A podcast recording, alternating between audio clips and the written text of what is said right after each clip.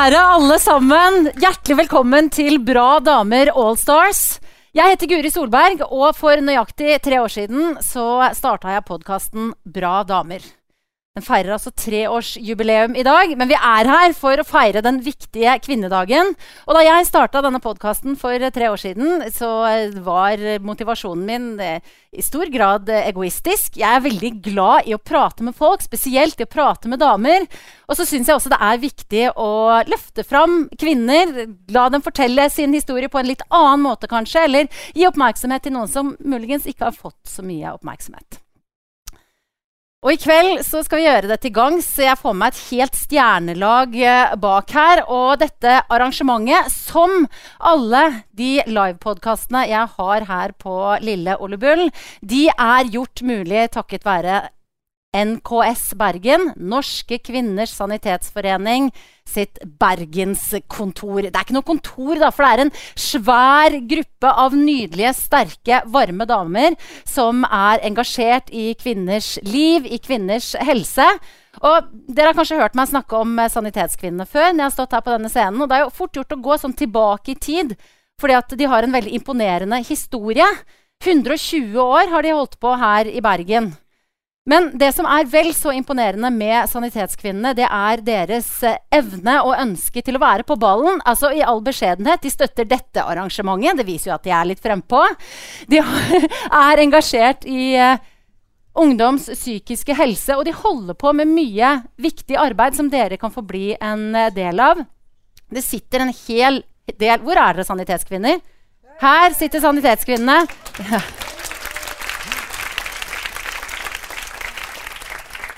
Og de er mer enn glad for å kunne fortelle dere om hva dere kan gjøre hvis dere har lyst til enten bare å bli medlem for å støtte Sanitetskvinnene, eller for å være med og engasjere dere. For det er ikke bare sånn at dere må inn i en eller annen jobb som de allerede har. Hos Sanitetskvinnene så er de opptatt av å lytte til dere. Så er dere engasjerte, har dere lyst å gjøre en uh, forskjell, så uh, snakk med noen av de kule kvinnene som sitter på første rad der, eller gå inn på Sanitetskvinnenes nettsider og les der.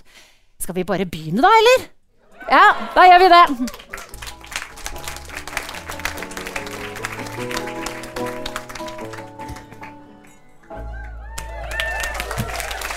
Ja da, det klappes på lille Ole Bull i Bergen. Eh, Vestlandets eh, stiligste kjeller er fylt til randen. Ikke sånn fylt til randen podkastskryting, eh, fylt til randen, men sånn skikkelig fylt til randen. Bare lag skikkelig lyd nå, publikum, så vi hører hvor mange dere er.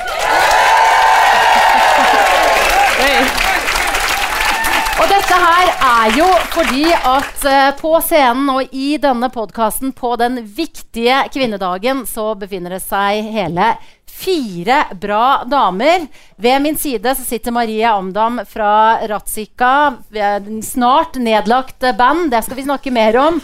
Agnete Lund, engasjert uh, fødselslege og gynekolog, leverte inn ph.d.-en sin i dag. Nei, vi må klappe for det! Kristine Hope, som har for vane å eh, ja, ha enda flere i salen enn det vi klarte her i dag. Komiker og programleder. Og ute på venstre side, da Marte Mjøs Persen, selveste ordføreren i Bergen. Det var veldig fint, Marte. Du tok imot applausen med litt sånn ordføreraktig nikk. Har det vært mye sånn nikking på deg i dag på kvinnedagen? Nei, jeg har egentlig hatt en ganske fin og ganske rolig kvinnedag. Jeg begynte dagen hos uh, Kirkens Bymisjon. Uh, og um, ga en liten honnør og en liten hilsen til alle de som da jobber ja, med viktige tiltak som kanskje er likestilling i praksis. Der de løfter damer. De jobber på omsorgsbasen for kvinner. De jobber på møtesteder. De står på hver eneste bidige dag for å virkelig løfte mennesker i byen vår. Så de begynte jeg dagen med. Det var veldig bra. Og så har jeg selvfølgelig gått i tog og gjort masse annet. Men, uh, og så var jeg på Robin Hood-huset. Ja, en litt rolig dag. Så, og, det var, og det var en rolig dag for deg, det. Ja, egentlig. Ja. Men du Mariam Dam, du har hatt en, eh, en litt sånn eh, hektisk dag. Altså, ja. Du er jo da vant med å stå på scenen som mm. medlem i Ratzika, men i dag har du vært konferansier. Mm. Fortell. Eh, nei, det er jo veldig stas, da. Jeg, jeg måtte jo snakke litt om mammaen min, da, som er jordmor på Storken. Eh, og jeg fortalte jo litt da i, i, den lille introen jeg hadde, om at eh, hun er jo så frustrert over dette at de kutter så mye i barselomsorgen. Og er veldig lei seg fordi at de ser at de får for få damer på jobb, og kvinner får ikke den hjelpen de trenger. Og det syns jo jeg som datter da, at jeg må kunne løfte litt frem. at uh, Hun har ikke det talerøret, men jeg har det. Mm. Uh, så jeg vil jo hylle henne litt på denne dagen. Hun har jo tross alt skapt meg. Ja. så uh, fortjener litt honnør i dag. Ja. Hvem, hvem, er det du syns fortjener honnør i dag? Agnete Lund, mange har hørt podkasten hvor du har altså, Du har jo hele kvinnehelsen, og spesielt underlivet da, som ditt fagområde. Var, ja. Du bare så på meg. Ja, ja, ja, Jeg ble litt sånn nysgjerrig. Hun er litt mer ute. Nei, uh, jeg syns absolutt alle som jobber på Kvinneklinikken, fortjener honnør. Jeg mm. kjenner jo din mor veldig godt. En fantastisk jordmor. Uh, sammen med mange av de andre som jeg jobber sammen med. Så at vi har kår der som kan være altfor trange da, i forhold til det som kvinner ønsker og forventer. Mm. Det har vi nok dessverre. Så det er litt vanskelig å jobbe innenfor de rammene og møte de forventningene som kvinner har. Ja, Kvinneklinikken for de som hører på dette her, er jo da eh, ved Haukeland sykehus i Bergen. Det står en artikkel omtrent hver dag i Bergens Tidende om Kvinneklinikken. Um, men du syns det er et fantastisk sted å jobbe, vet jeg, Agnete? Ja, jeg er veldig glad i faget mitt, og jeg er veldig glad i pasientene også. Så noen ganger kan jeg nesten bli så rørt når jeg tenker på alle de som jeg har møtt, og eh, alle de viktige tingene vi får være med på. Mm. Så jeg er veldig glad i jobben, men det er en veldig intens jobb. Og det er absolutt et sted der eh, ressursene er under press. Så det syns jeg er et viktig tema på kvinnedagen. Og jeg syns det er fint at det kommer frem i dag. Eh, at eh, man kanskje ikke har nok ressurser til eh, å gi god nok omsorg. Da. Mm. Eh, og det er veldig viktig at det ikke blir sånn at vi setter ulike pasientgrupper opp imot hverandre. For det som er viktig også ved Kvinneklinikken i Bergen, er jo at vi behandler jo mange ting. Det er ikke bare fødsler og barsel, selv om det er det vi hører mest om. Mm. Det er også urininkontinens, som du var inne på i sted. ikke at jeg har det. Men, nei, nei, ingen som har det, selvfølgelig. Ingen av oss har det. Men uh, ja, så kom eh, Kristine ja. Hope åpna showet her før vi starta podkasten med bl.a. å snakke om uh, inkontinens. Ja. Eh, hva, hvilke tema syns du er viktig på denne dagen her, eh, Kristine? Veldig ledende spørsmål. Ja. Nei, ja, eh, jeg var jo konferansier faktisk på Norske kvinners sanitetsforening eh, i fjor i Oslo. Og da eh, åpna jeg med denne monologen òg. nei, det er litt Jeg tror det som er bra med kvinnedagen, det er at det blir et fokus på alle ting som du tror ellers at det, det ikke trengs å ha fokus på. Mm. Du tenker liksom at ja, men herregud, nå har vi kommet så langt at vi trenger det ikke snakke om det. Og da blir du sånn Hæ, er det mulig? Har det ikke da, eller altså Nå var det første sida i BT i dag var jo så utrolig få eh, kvinnelige dommere det var. Altså Det er så mange ting du ikke vet om, mm. som du får, eh, får, vite om på kvinnedagen. Derfor syns jeg det er så bra at det blir et sånt fokus på alt som vi trenger å vite. Du Marte, har jo på en måte som jobb å, å på en måte si fra og skrike høyt om ting som ikke stemmer, og kanskje bli skreket til òg, for den saks skyld. Eh, hva gjør 8. mars med deg? Er det liksom nok en dag i rekken? Nei, 8. mars eh, syns jeg er en helt spesiell dag, og det har det vært for meg i veldig mange år. Egentlig fra jeg var veldig ung jente, og jeg har gått i 8. mars-tog eh, mot kontantstøtte på 90-tallet, på ja, slutten av 90-tallet. Og, og, i år så må jo jeg si at, uh, at jeg uh, har latt meg provosere av at uh, kvinners selvbestemmelse over egen kropp har blitt lagt på forhandlingsbordet i regjeringsforhandlinger. Mm. Ja. Nå nikkes det veldig i panelet her og i salen mm. her. Hvilken parole gikk du under, Marie? Du, jeg gikk faktisk med Palestina-komiteen. Jeg gikk med solidaritet for palestinske kvinner. Men likevel så har jeg da, ikke sant, nå har vi holdt på i fire minutter, og i mange av de så har vi snakka om kvinnehelse. Mm. Eh, hvorfor har det blitt så viktig akkurat i år, Agnete? Nei, det med abortspørsmålet har jo aktualisert 8. mars og egentlig alle kvinnesaker, tenker jeg. Jeg tror at folk har blitt eh, mye mer bevisst på at dette er viktig for meg, og det er ingen selvfølgelig rettighet. Eh, så jeg, jeg, jeg syns det er veldig viktig å trekke frem det som du sier. Altså, det handler ikke nødvendigvis om abort. Noen ganger blir debatten misforstått som om eh, de som eh, går i tog eller holder appeller, er for abort. på en Jeg eller bare annen måte. kjempelyst til å ta abort hele Eh, tiden. ja. ja, men det sto vel en Ja, eh, kronikk om at eh, man går i tog og skriker for å ta livet av en Mm. tvilling. Eh, men det handler om selvbestemmelsen. Mm. Altså, det er selvbestemmelsen som er eh, truet. Og jeg tror at eh, den saken har virkelig vekket mange. Og jeg syns det er kjempegøy å se at 8. mars har blitt sånn festdag. Mm. Det blir sånn Mm. gøy dag. En selvfølge å gå i tog. Før var det litt sånn Ja, jeg er jo ikke akkurat sånn. Jeg er ikke helt så feministisk. Eh, men nå er det virkelig en sånn mobilisering på en positiv måte. Ja, for da husker jeg når jeg var liten. Da var det mer sånn at de som gikk i tog, det var mer sånn teite folk i fotformsko med papegøyeøredobber og så bare hadde treleker til ungene. Du vet at du må passe deg litt, for mammaen min sitter i salen her. med papegøyeøredobb. Men, men det har jo en bakside òg. Da jeg så det var sånn der eh, En eller annen sminkebutikk sa det sånn I anledning kvinnedagen så har vi for de ti første kundene gratis makeover og goodiebag. Ja. Gratulerer med 8. mars! Og det er liksom sånn, men jeg tenker på, sånn der, sånn, på et sånn strukturelt nivå der hvor liksom så mye handler om å kjempe mot skjønnhetsindustrien. Så er det sånn Free goodiebags, makeover! Og det er liksom sånn, da har du gått, det, er ikke, det er ikke det at det har gått for langt, men det er liksom da, da ser du at folk begynner å kapitalisere på det. ikke sant? Da er det plutselig noen som begynner å tjene penger på 8. mars. Og det er jo litt sånn Da kjenner jeg at det lugger litt hos meg, da. Mm. Fordi at det er liksom sånne ting man gjerne jobber litt mot. Og vil trøkke ned dette skjønnhetspresset. Og da blir det litt teit at man skal ha sånn Sminkedag, makeup oh, jeg, altså, jeg, ja, jeg, jeg er helt enig med deg, men samtidig så, så tenker jeg at det som er litt positivt med det, da, det er jo at, eh, at det blir liksom populært å, Mm. å heie på, på kvinnedagen og Ja. kvinner og, og feministiske spørsmål. Og det ser du jo liksom i, i, også i, i hele, alt det som handler om pride-bevegelsen. sant? At det er jo blitt litt sånn Hoteller kjemper om å være homovennlige og alt dette her. Og, og i all hovedsak så er jo det utrolig bra Mm. At, at man har lyst til å heie på, på kvinner. Men, men jeg er jo er enig i at liksom, akkurat det der eh, Det er jo helt uinteressant. Det er litt rart når det er salg, ekstra salg på Veromoda for damer Nei. fordi det er 8. mars. Da blir det litt sånn Men Eh, jeg, men, jeg ja. har vært eh, konferansier på sånne type eh, Confex og sånne eh, kvinnekonferanser der det har Mm. vært utrolig masse bra foredragsholdere som jeg har introdusert én etter én. Og der det går på sånn eh, 'kvinne, vær deg sjøl', og 'stol på deg sjøl', og 'vær den du er'. Og så får de på disse goodiebagene Så er det reklame for Botox. Og da ligger fader meg Collins-strømpebuksa oppi!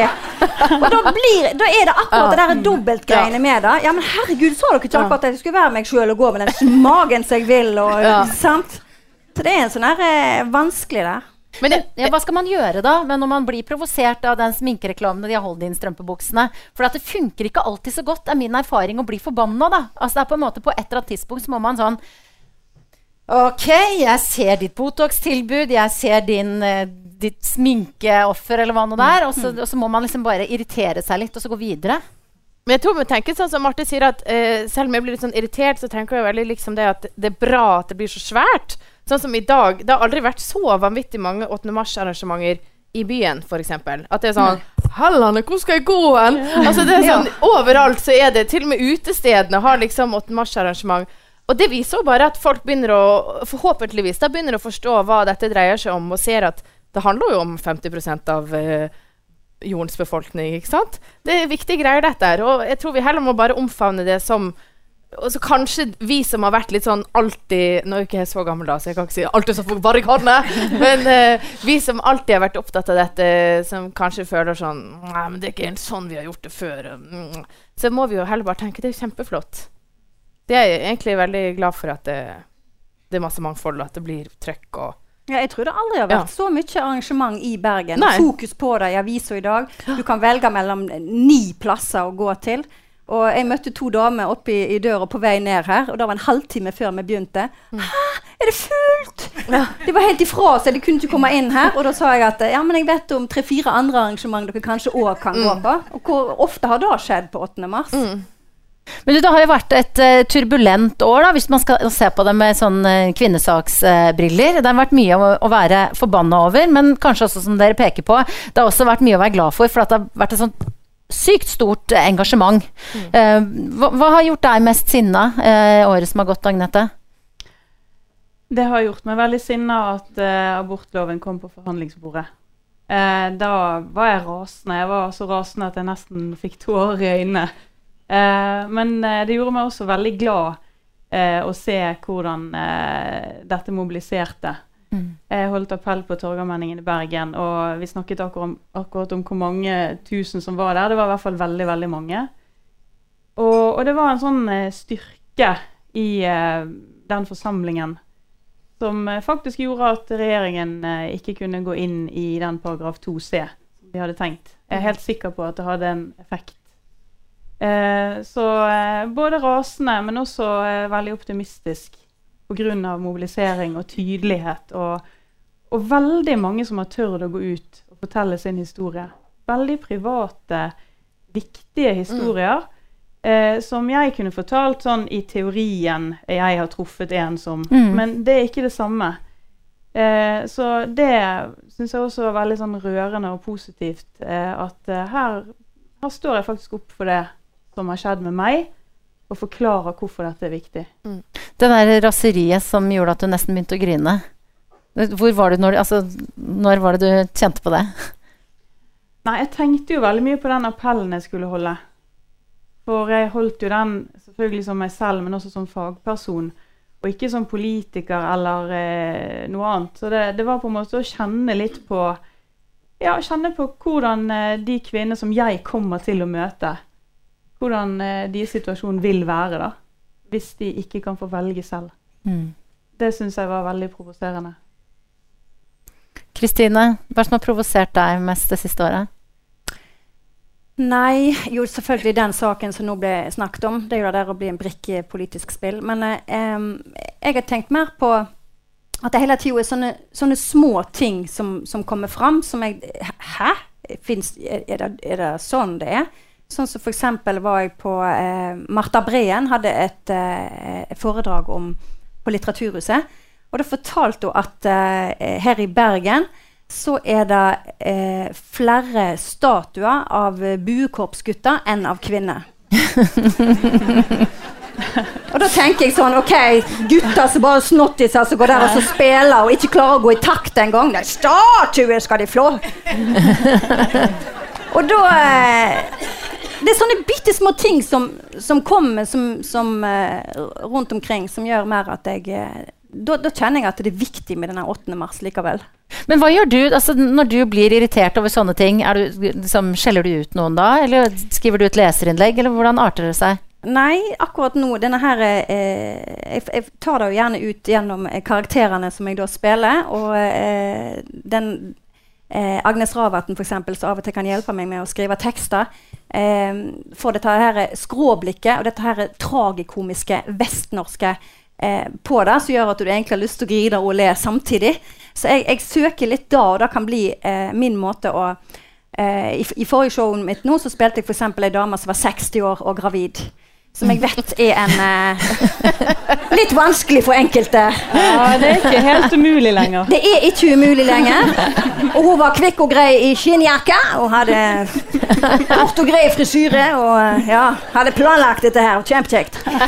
Uh, og da For meg er da mitt bidrag på denne måten så føler jeg at jeg kan få folk til å sitte der og le, og så kan de etterpå Fader, det var jo noe i mm. det nummeret der. Og du er jo litt sånn, Marie, sånn mellom den der rene samfunnsengasjerte og entertaineren som Kristine er. Vi kjenner jo deg fra Ratzika, men dere har jo alltid vært et veldig engasjert band. Dere har alltid meldt veldig mye. Har det vært eh, like natt... Altså, hvor kommer det fra? Nei, jeg tror det, det har nok veldig mye med personlighet og når man sitter i sånne drita kjedelige intervju og sånn 'Fortell om studio'. Det er sånn, ja, studio, studio, det er dritkjedelig, liksom. Det, det, er veldig lite spennende som skjer der, egentlig.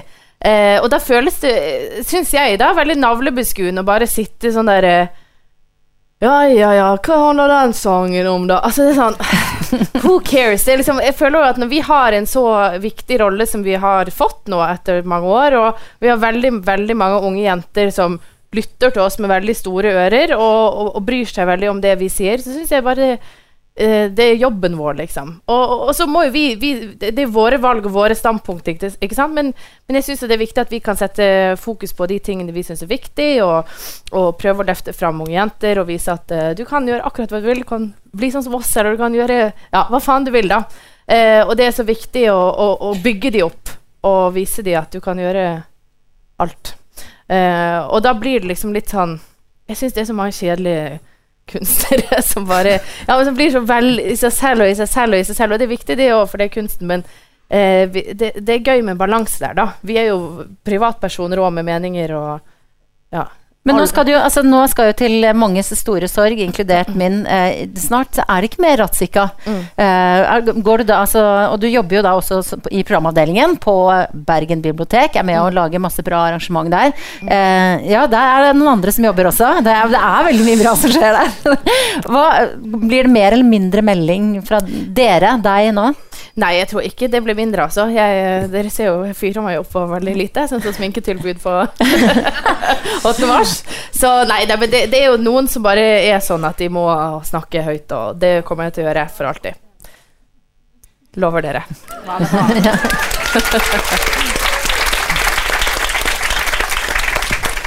Agnete, da jeg intervjuet deg for eh, et par år siden, eh, da jeg, tok jeg med opptaksutstyr på ditt kontor, og så eh, snakka vi mye om jobben din, om kvinnens underliv. Og så syns jeg at vi snakka veldig mye om skam, og det var egentlig litt sånn guffent, for du snakka om at det var mange som kom til deg som skamma seg.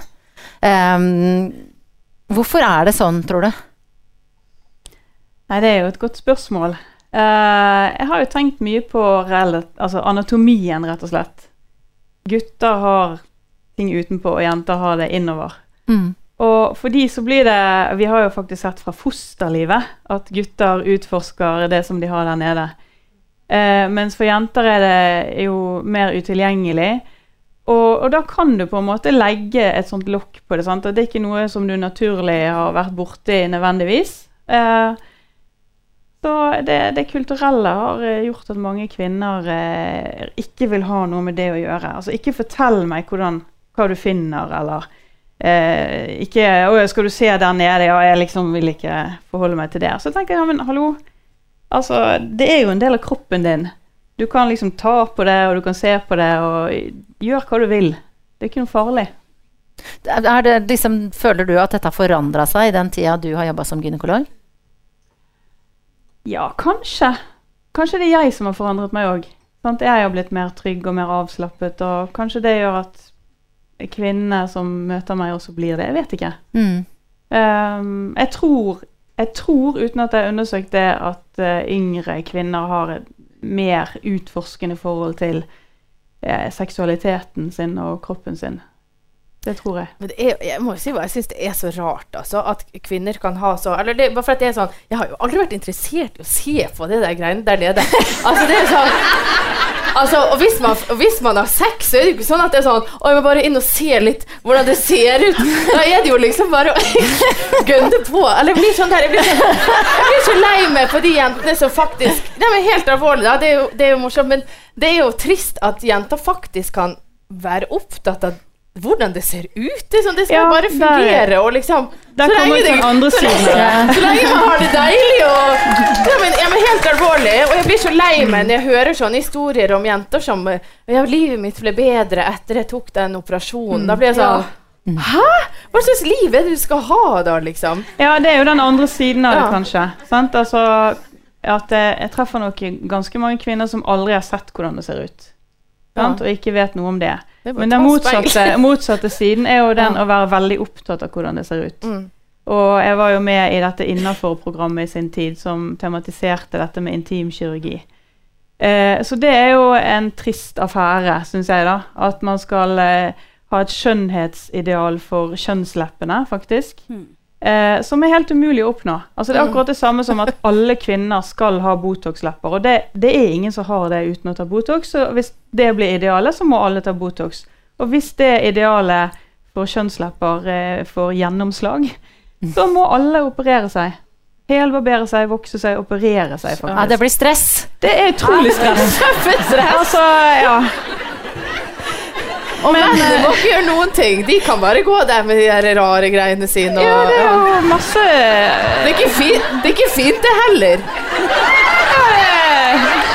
Nei, nei, men det er helt alvorlig. Nei, men det, det, er jo, det er jo en vanesak, sant? Mm. Men Eh, én ting En ting er jo eh, at det er synd at eh, kvinner skammer seg over sitt eget eh, underliv, men det er en annen ting som har vært litt oppe i nyhetene nå i det siste, og det handler også om skam, føler jeg. Og det er eh, disse unge, tøffe jentene som har stått fram og ber eh, de voksne ta tak i hvordan gutter snakker til jentene i skolegården. Og jeg føler det henger litt sammen, for jeg husker det i hvert fall veldig godt fra da jeg gikk på ungdomsskolen, at hvis man hadde hatt mer enn én kjæreste, så ble man kalt for hore. Og andre verre. Og det var det verste. Jeg husker det var døden hvis man fikk et sånt stempel på seg. Så alt som har med kvinnelig lyst og glede, blir veldig fort eh, kobla til skam og noe du skal latterliggjøres for. Eh, er det ikke sånn, Kristine Hope og Jo Martha? da. Nei, men skjønner du, Kjenner du deg igjen? Nei, på Stord så var det ei de kalte Martha Maskin. Ja. Så eh, Man får Men, men altså, det, det er jo det som er, er det absurde med det. Sant? Det handler jo også om eh, kjønn og makt. Da, sant? Fordi at du får det stempelet eh, uansett. da sant? Mm. sånn, hvis, du, hvis du treffer en eller annen i baren klokken eh, halv tre om natten, og du ikke har lyst til å være med hjem, så er det 'jalla hore'. Sant? Altså, det er liksom eh, så, så det, Det hore uansett. Nettopp. Sant? Så, så det handler jo ikke egentlig om, mm. om antall. Det handler jo om makt og kjønn, og at eh, man mangler eh, språk for å uttrykke følelsene sine. ja. Hva skal man gjøre for å forandre dette, da?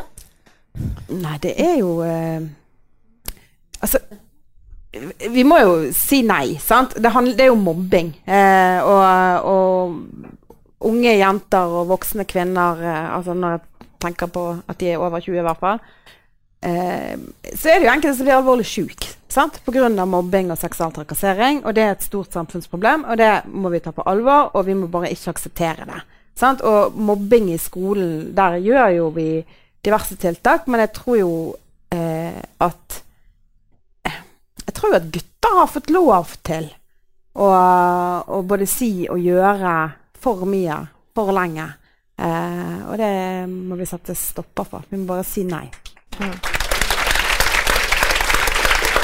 Agnete? Nei, altså En av de tingene som jeg har vært veldig glad for da, det, i det året som har gått, det er jo metoo. Som har vært utrolig fascinerende bevegelse. Som har kom, Plutselig var det liksom nok, og det bare vellet det opp. Og det var kanaler, og det var denne hashtaggen som kunne sette ord på det. Og da har du hele spekteret fra at noen kaller deg hore i baren, eh, til på en måte ordentlig eh, seksuelt misbruk eller eh, overgrep eller voldtekt. sant? Eh, men det der å liksom eh, sette ord på det, det, det Dette sier jeg nei til. Dette er ikke greit. Og det sier alle nei til sammen. Og begynner å liksom definere hvor disse grensene går skikkelig. Sette ord på det. Hvis du er en maktperson, hvor går grensen? Altså I mange sammenhenger så har denne debatten blitt tatt i løpet av bare det siste året.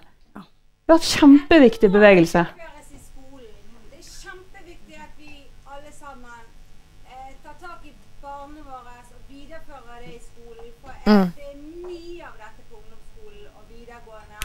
Språket og metoo-kampanjen har glemt ungdomsskolen og videregående og barna våre.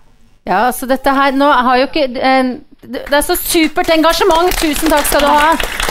Og det er, det er jo litt sånn dårlig gjort at det er bare vi som sitter her på scenen som har mikrofoner. Så, så, men det som ble sagt fra salen her, er jo at uh, metoo-kampanjen må tas videre i eh, skolen. Uh, hvordan skal man gjøre det? Ja? Jo, altså, det, det handler jo om å bevisstgjøre knyttet til seksuell trakassering, f.eks. Å kalle det seksuell trakassering, ikke minst. Sant? At uh, det å bruke den type begreper er det. Det å sende dickpics er seksuell trakassering, f.eks. Uh, men, men jeg tenker jo òg at, eh, at at det er grådig viktig eh, også at unge jenter får en bevissthet rundt kjønn og språk.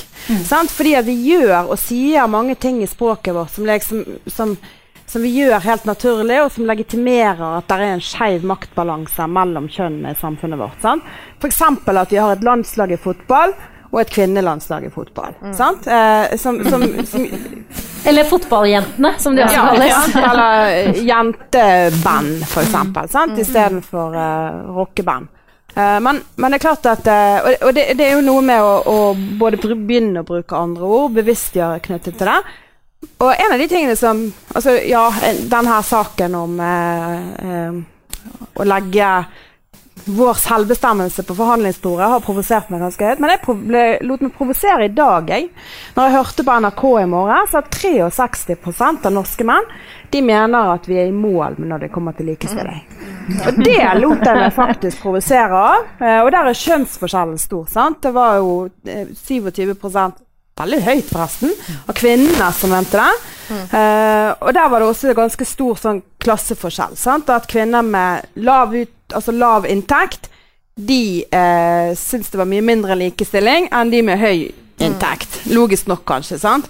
Uh, men, men der tenker jeg vi har en ganske vei å gå når, uh, når altså over 60 av mennene i landet vårt tror at vi er i mål med likestilling. Da har jo ikke de hatt verken øyne eller ører åpne i det hele tatt. Sant? Ja, men Med det er jo- tanke på Det er jo, det, da er jo de der mennene som kommer sånn Ja, helvete, skal ikke vi kunne klype deg litt i rumpen nå, eller? og, og da sa de Nei, og da har du egentlig aldri hatt lov til, for det er helt normal folkeskikk. Det handler jo egentlig ikke om metoo da. Men har du, havner du i, i diskusjoner hvor du blir sånn type oppgitt som man blir for folk til, som sier sånne ting? Altså hvor du blir sånn helt sånn Ja, men det er jo bare folkeskikk. Ja, det, da, da blir jeg sånn. Altså, det er jo Er det mulig hvor mye teite folk det er?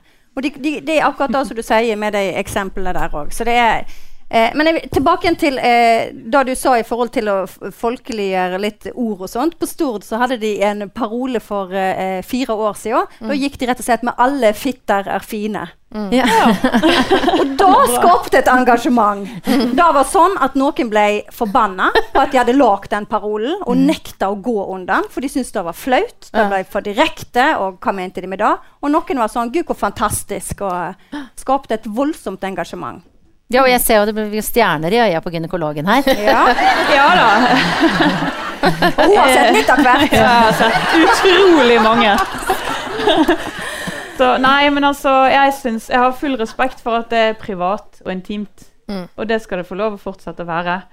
Det er ikke sånn at alle trenger å ha fitpics, holdt jeg på å si, og begynne å sende det rundt. Uh, det er helt greit at det er privat. Mm. Det er det. Men ikke ødelegg folks selvbilde med urealistiske og faktisk ganske sånn eh, pedofilt nesten inspirerte idealer Mm. på hvordan en kvinne skal se ut uten kjønnslepper, uten pigmentering, uten hår og med veldig små kjønnslepper. Det er jo ikke normalt. Ikke normalt. Nei, jeg ble, bare ble litt sånn Som du sier det der at det fins så Bare for å ta opp tråden litt der, at det er så mange menn som mener at eh, ja, den der feminismen har gått for langt. ikke sant? Jeg hadde, for Du spurte oss egentlig på forhånd hva sånn, det er noen som har gjort deg sånn skikkelig sint. Og så hadde jeg en Ja. opplevelse for uh, ikke så veldig lenge siden.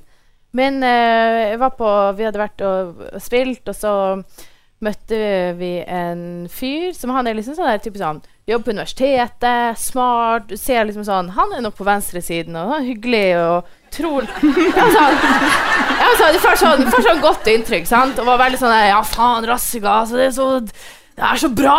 Så sånn, ja, det, ja, det er bra! Sånn, litt litt seint for kvelden, da, sånn ute og røyke og sånn, men så var det sånn der, 'Å, faen, det er bra, så, men må bare si dere, det trenger jo ikke å være så jævlig sånn derre Å, feminisme, feminisme. Eh, for dere er jo jævlig bra. Dere trenger jo ikke å snakke om det, dere. Dere er jo liksom the band. Dere trenger jo å liksom bla, bla, bla, og det, så alle er undertrykt og la, la, la. Og da var jeg sånn Kødder du med meg, liksom? Du er jo, du er jo grunnen til at vi må fortsette med det. Her kommer du, er liksom eh, mister Kjekkesen, sant? Og så sånn Faen, men dere er for bra til å Dere trenger jo ikke det lenger, men det er sånn Det er jo Folk har jo et sånn følelse av at sånn Ja, men nå har dere ordnet det. Da, å, da er det greit. Og det er jo liksom den derre Vi må jo hele tiden videre, ikke sant? Selv om vi liksom har nådd én skanse der, så er det faen meg 40 til, da. Eh, og det, er, det blir jeg veldig provosert av, for det Mm. fins veldig mange som har den holdningen der. Og det, og det, det er jenter òg, liksom. Kjenner du deg igjen, Agnete? Har du møtt han fyren her, du òg? Eh, ja, ja, mange ganger. Eh, jeg syns det var veldig bra sagt. Det er pga. sånne som deg. Men eh, jeg syns det er et veldig viktig poeng eh, hvis man blir konfrontert med den type eh, ting. Da, at eh, det er jo det internasjonale solidariteten også Mm. som man må markere på en dag som dette. For det kan jo hende at vi har kommet langt, og Hillary Clinton eh, skryter over Norge i forhold til kvinners deltakelse i arbeidslivet og eh, ja, sikkert veldig mye mer som vi har fått til her i Norge, da. Eh, men på internasjonalt nivå så har vi jo en lang vei å gå. Og det er jo livsfarlig å bli gravid, livsfarlig å føde, livsfarlig å bare være kvinne. Eh, den katolske kirke, eh, som styres av menn, bestemmer at eh, prevensjon ikke skal være tilgjengelig, og heller ikke abort. Altså, sånne ting. Du liksom bare løft blikket litt og se. Da blir jeg faktisk jeg blir sint mens jeg sitter her. Mm. Ja, men det er bra, det. Ja. Ja.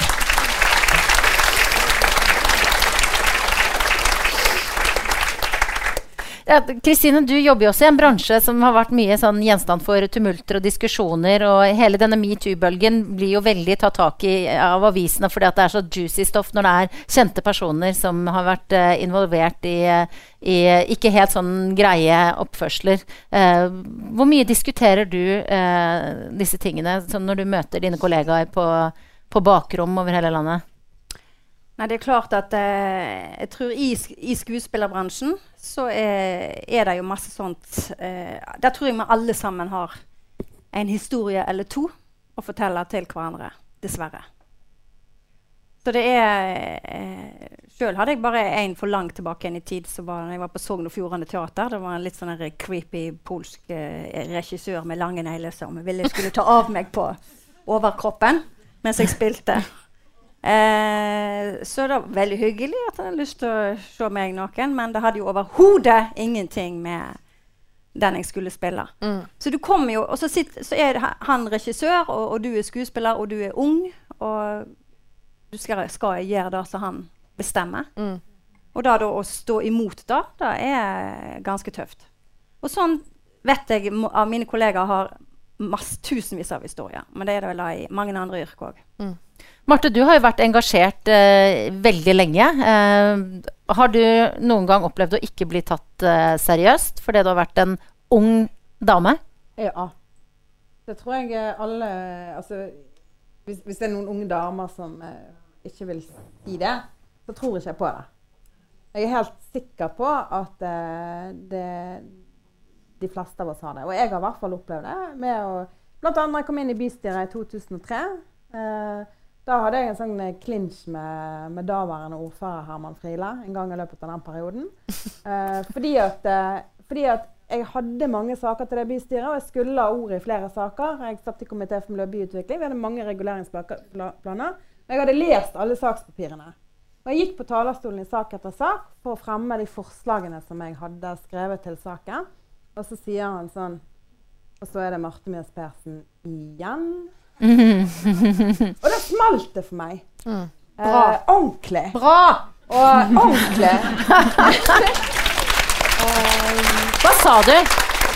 Dette finner jeg meg ikke i. Nå husker jeg ikke alt. Det er jo mange mange år siden. Men det, liksom, sant? Det, det ble en ganske sånn alvorlig stemning, og NRK tok opp alt på radio. og, og sånn. Så, Det fins i eh, arkivet. Eh, Ja, så ble det pause i bystyret, og eh, Herman måtte komme og si unnskyld til meg. Og så ble det en sånn greie, for det er altså, NRK Hordaland hadde en sånn TV-sending om fredagen der de skulle liksom følge noen, og så endte det med at uh, at det ble en sånn reportasje da, der Siv Fosseskar kom hjem til meg tidlig om morgenen.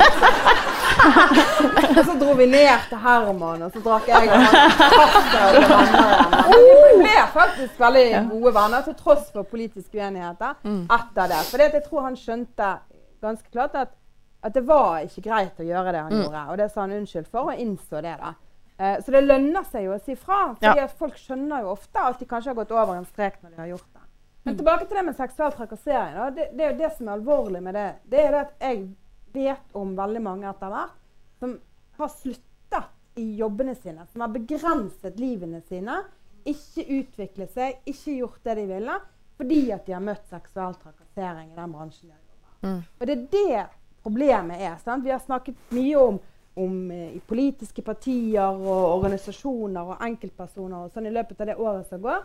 Jeg håper vi i fortsettelsen også kan snakke mer om de yrkesgruppene som kanskje er ekstra utsatt. F.eks. servitører, hotellansatte, sykepleiere, hjelpepleiere. Som lever med dette her i jobbene sine fra mer eller mindre dag til dag. Sette eh, en klar og tydelig strek om at nå er nok nok. Vi skal ikke ha mer seksuell trakassering.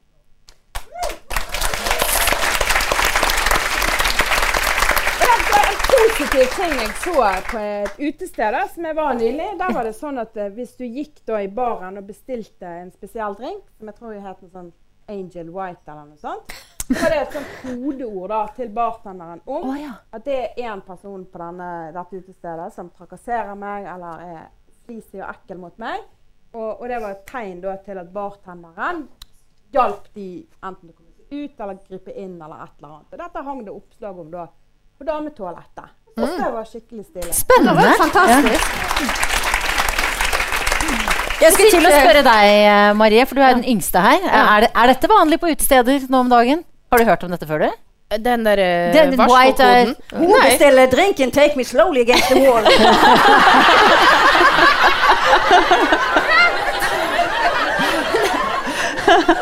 Nei, du, nei, jeg har aldri hørt om det, så jeg blir veldig nysgjerrig på hvem Det er jo veldig interessant da, at noen har gjort dette, for det er en veldig fin og sånn Ja.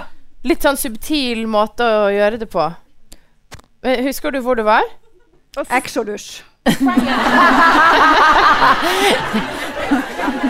Og for de som ikke skjønner hvorfor bergenserne ler seg i hjel av det, var- så det er et, eh, et lite ungt eh, Det er ofte veldig noen, mange som står og gråter utenfor Exodus. Men jeg tror ja. faktisk Exodus er lagt ned. ja, jeg, tror, jeg kom på det akkurat når jeg snakka. Til og med Kevin Hågenes snakker om Exodus. Gjør han det? Ja. Så jeg tror hele Norge har fått med seg. Men, men poenget, poenget her er jo det at eh, det man gjør med å gi kvinner den utveien, Mm. sant? Det er jo at du sier at dette er ikke noe du skal stå alene med. Nei, det er ikke veldig ditt eget ja. eget ansvar. Dette tar vi et uh, felles ansvar for. Og det er jo det vi må gjøre med så mange saker, og ikke minst akkurat problemet med seksuell trakassering. Hva syns du er den viktigste saken, Marie? Hva er det du liksom, altså Bortsett fra han fyren, da. Hva er det som Eller han gjorde deg forbanna, men hva er det du liksom føler er de viktigste sakene eh, akkurat på Hvis du skal tenke med 8. mars-hodet ditt? Det er jo eh, Jeg får jo veldig Jeg føler meg veldig i samme båt som deg da når du snakker om eh, abort. eh, Du er selvfølgelig i en annen situasjon som gynekolog, men eh, jeg syns jo det er veldig skremmende at eh, en som heter uh, Kjell Ingolf Ropstad, skal bestemme over min kropp. Uh, dersom eh, jeg blir gravid og, og står foran en utfordring, så syns jeg det er utrolig problematisk og provoserende at det fins menn der ute som aldri kommer til å føde barn, som uh, skal ta disse valgene for oss. Og det synes jeg, Derfor syns jeg det er så fantastisk å se Uh, dette engasjementet som har vært nå, at vi faktisk kjenner på For det fins veldig mange jenter i min generasjon som tar feminismen veldig for gitt. Eh, og det syns jeg er veldig trist, for det er sånn derre Ok, Hvis de liksom kan ta fra oss eh, De kan jo selvfølgelig ikke ta fra oss plassene på universitetet, og sånn, men, men sett i et sånt bilde, da, så er det virkelig noe som vi har øh, kjempet fram. Våre øh, tidligere feminister har kjempet disse rettighetene fram for oss. Og når da de er i fare for å bli tatt fra oss, så er det så utrolig viktig at vi sier nei. For dette det er skremmende at vi kan ha sånne gjøker som sitter der og Nei, jeg syns det er helt er ikke eh, Ropstad det- her for å forsvare seg? Nei, jeg vet det. Men, Jeg Måtte eh, ringe han i morgen for en kommentar, men, nei, eh, men jeg syns det er trist, altså. Og ja. Og det er jo, det er jo naturlig at uh, abort er et av de temaene Mm. som vi stadig vekk kommer tilbake hit. Eh, Jeg kom på at jeg glemte å si innledningsvis at uh, den observante lytter og publikummet får med seg at uh, Olaug Nilsen, som var annonsert i panelet, dessverre likevel ikke kunne delta. Og hun er jo en dame som har hatt mange sånn sterke innlegg nettopp rundt dette med abort. Eh, hun sier at hun får flere kommentarer fordi at hun har en sønn som er, har utfordringer, og får mye kommentarer nå i løpet av det siste året. Um, jeg har også tenkt på deg, Marte, fordi at uh, du er trillingmamma. Eh, og ja, derfor så må jo denne 2C-debatten og tvillingaborter og sånn Ja, altså, ha hatt meg- et inntrykk For meg er ble det personlig når eh, nevnte Ropstad sa at klarer du én, klarer du to. Ja. Eh, Jeg klarer tre.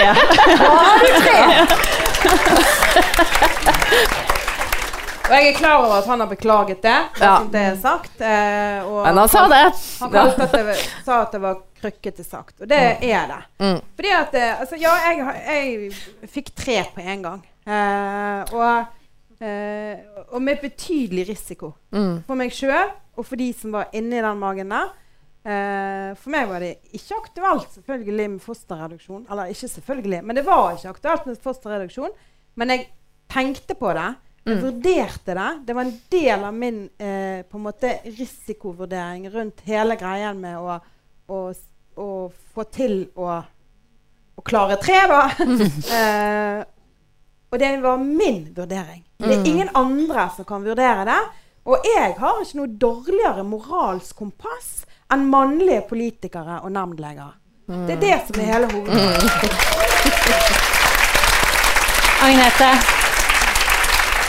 Ja, det er jo fantastisk å ha en trillingmor her. For en som jobber med fødselsmedisin, så er det jo bare Ja, det er så gøy. Vet du hva? Når jeg var på ultralyd, så Ja. var det en mann, mannlig gynekolog da, som oppdaget dette her. Og han, og jeg husker fremdeles der Han satt liksom da, For jeg fikk egentlig liksom time midt i lunsjtimen hans. da. Eh, Mm, det er veldig vanlig for oss, Så satt han og så gned seg litt sånn i hendene og var helt sånn i hundre faglig. Dette har jeg bare sett én gang før! Ja, ja. Og det var da jeg var student. Han var helt i hundre. Ja, det er, det er staselig når trillinger kommer til verden. Ja.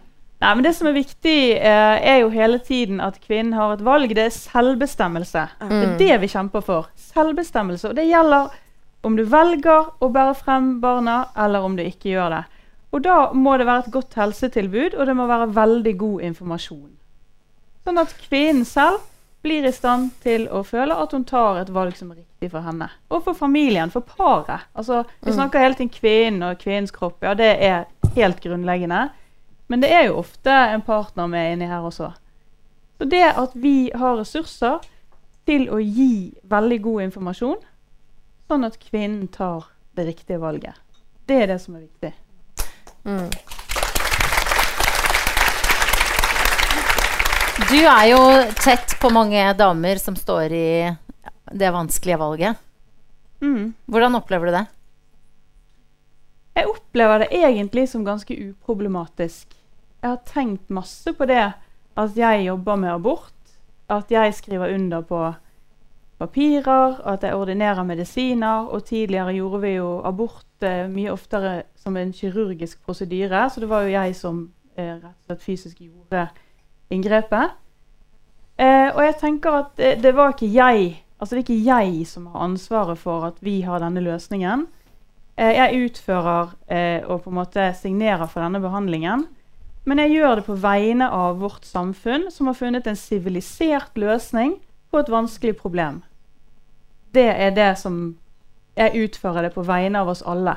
Og jeg tenker, Den lovgivningen vi har, den ligger på vår alles samvittighet. på en måte. Mm. Og så kan du si jeg er helt imot abort. Jeg syns det er forferdelig med abort. Det kan jeg forstå. Det kan jeg egentlig fint forstå. Men da må du fortelle meg hva er alternativet. Fortell meg hva alternativet er, hvis du skal forby abort helt. da. Det er jo faktisk sånn at i de landene der abort er forbudt, så foregår det mer abort. Og paradoksalt nok er det jo ofte en sammenheng med at prevensjon også er utilgjengelig eller forbudt. Sånn, så det, det er noe med å si OK, dette skjer. Det er et menneskelig måte, fenomen, et menneskelig problem. Det skjer overalt. Det har alltid skjedd i historien. Dette må vi lære av, og vi legger det til grunn. Og så finner vi en god lovgivning som løser det på en mest mulig ordentlig og sivilisert og trygg måte. Og så gir vi selvfølgelig prevensjonsveiledning og alle forebyggende tiltak som vi kan for å unngå uønskede svangerskap. Det står til og med i loven. Mm. Så det er viktig. Så det er nesten bare mannlige. Det er bare mannlige politikere, og det er om akkurat det temaet. Og Mm. det på TV. Og det òg er noe som vi må være fremme som kvinner og være fremme og snakke om både for barnet vårt og andre.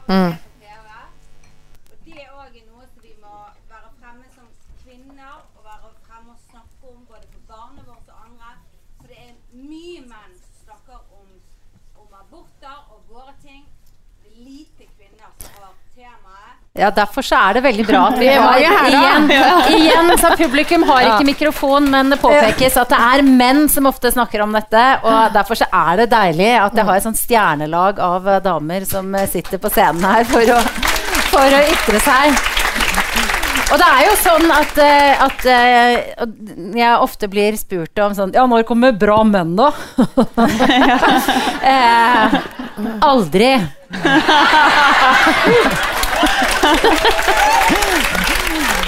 Og det, og det er jo igjen sant må, jo, det, Jeg skjønner at jeg ikke behøver å påpeke det for den forsamlingen her. At det handler jo ikke om eh, det mannehat, det å, være, å heie på sterke kvinner. Men jeg syns det er nydelig å ha en arena hvor man kan løfte fram f.eks. damene som sitter på scenen her. Eh, og Bra damer, eh, som er navnet på denne podkasten, er på en måte en veldig sånn vid term, da. De fleste er jo bra. Noen få unntak jeg kan komme på, bare. Men, men eh, jeg pleier ofte å spørre gjestene mine hva, hva, hvordan de definerer en bra dame. Hva ville du svart på det spørsmålet, Marie? Eh, engasjert, det setter jeg veldig pris på. Humor Ja. og eh, selvstendighet. Ja, Mm. som på rappen. ja. Og, og være glad i å drikke. ja. Jeg syns det er veldig, veldig kjedelig med damer som liksom bare nipper til ett glass vin hele kvelden. Da er vi raskt opp med hvitvinsglasset, alle her. Og så føler jeg, føler jeg overgangen til deg, Kristine, er veldig naturlig. Eh, fordi at Da vi satt og prata sammen på denne scenen forrige gang, så eh, snakket vi om eh, lykkepromille. Ja. Ja. Eh, hvordan definerer du det? Den tikker inn etter to glass vin. Da bør du egentlig helst stoppe. Men det er ikke lett. Men eh, jeg er veldig god faktisk på å ta Selvfølgelig skal på jobb, og alt sånt men eh, det der eh, to glassene jeg synes det, åh, jeg blir helt sånn marinert av lykke. Og du, du- altså, du kan jo være lykkelig også, for at nå scorer du jo høyt på uh, Maries uh, liste. da Både Nei, liker å drikke og humor. To glass litt lite. Vi må, liksom, Når jeg skal på jobb dagen etterpå te vi må tenke fridag, da. Ja. Ikke, ikke sånn når hun skal på jobb, da blir det bare trist. Tilesvin, jobben i morgen! Tenk å bli helt uh, crazy heller. Men uh, Men du har i hvert fall både humor og uh, åpenhet for drikking. Uh, uh, men hvis du selv skulle laget noen sånne kriterier på en bra dame Nei, det er jo eh, Nei, humor det, det er utrolig viktig å ha noen å le sammen med. Mm. Altså, jeg, jeg tror jeg, det, det er jo ingen jeg har det gøyest med enn når jeg treffer disse her eh, stordgjengen min som, som jeg kjenner og som jeg var russ med. og alt sånt. Og da blir jeg jo helt idiot igjen og ler. Eller det er noen gamle vitser tilbake igjen. og, og eh, jeg kommer tilbake igjen derfra og jeg føler jeg har fått sånn fornybar energi. Eh, og det er jo eh, folk du kan prate med, så du egentlig, som, som kjenner deg, som vet eh, hvem du er på godt og vondt. Og som du i tillegg kan da le, le høyt med, og eh, dele eh, hemmeligheter med. Da syns jeg er en bra dame. Mm. Ja, nå nikker, nikker eh, ordføreren. Ja, men du kan stole på. Mm. Ja. Med integritet. Men så liker jeg òg damer som eh, kan masse om det de er opptatt av. Ikke så nøye hva det måtte være, men, eh, men damer som setter seg inn i ting og liker å dele det. Det syns jeg. Mm.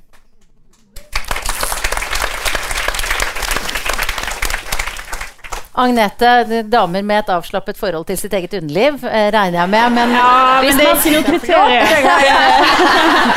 Jeg har ikke testet det på alle venninnene mine.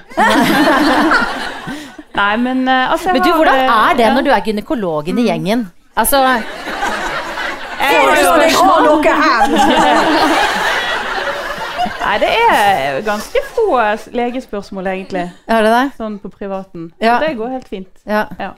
Nei, jeg avbrøt deg. Du skal få Ja, for det er jo ingen som tør å innrømme at de lekker litt når de ler og sånn. Ikke pek på meg når du sier det, da! Selv om alle gjør Se det. på Ja. stolen etterpå. Ja da. Nei, men eh, Nei, altså, jeg har eh, Det er flere ting jeg vil si om det, da. Men jeg har noen sånne venninnegjenger. Eh, Den ene er en filmklubb.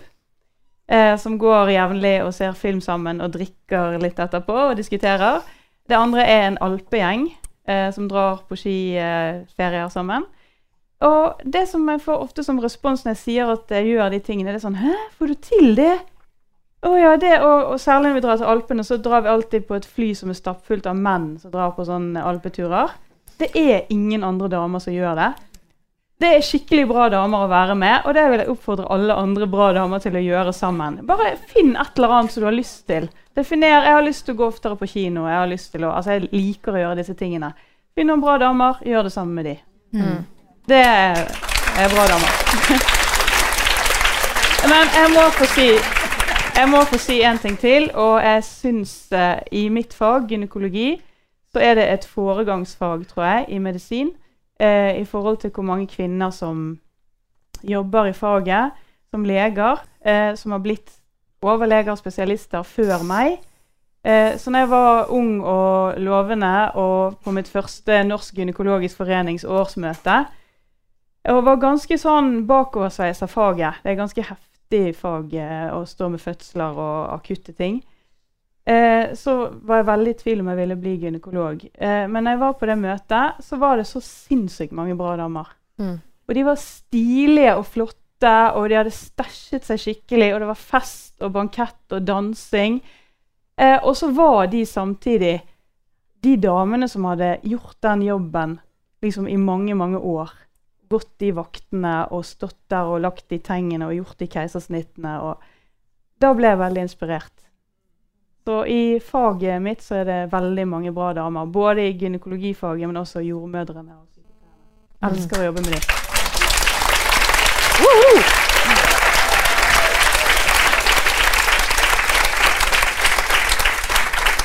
I denne podkasten så pleier jeg jo å avslutte med tre litt sånn eh, kjappe greier. Hverdagsspørsmål. Og, så, og det hadde jeg på en måte jeg har, jeg har egentlig ikke lagt noen plan for hvordan jeg skal løse det nå. Og dere som kjenner podkasten, dere vet hvorfor jeg stusser litt. For det er Ja, hva, hva syns dere jeg skal gjøre, egentlig? Ja. Men skal jeg ta alle tre? Etterpå, etterpå så skal vi ta salen. Ja. Én og én. Går rundt med mikrofonen. For at det ene er jo um, Hva spiste du til frokost i dag? Begynn med den. Marie, hva spiste du til frokost i dag? Jeg husker ikke Brødskiver. Ja. Ja, Den slapp du lett unna. Mm. eh, hvordan fant du ut Hvor lang tid brukte du for å finne ut hva du skulle ha på deg i dag, Marte? Eh, to, to sekunder, tror jeg. Ja, sånn ser det Nei, ut. vet du Ja, jeg, jeg, jeg, jeg, jeg bruker veldig litt tid på å finne ut hva jeg skal ha på meg. Jeg tar på meg det som eh, jeg syns passer. Ja. Veldig delte meninger. Og du var veldig fin i dag, Marte. Og da er det ett spørsmål igjen og to damer. Og det, Fredag klokka tolv! ja. Da hadde Kristine Hope sex sist. Og med det så sier jeg tusen takk, dere fantastiske damer, for at dere stilte opp i podkasten min. Og tusen takk til alle dere som kan.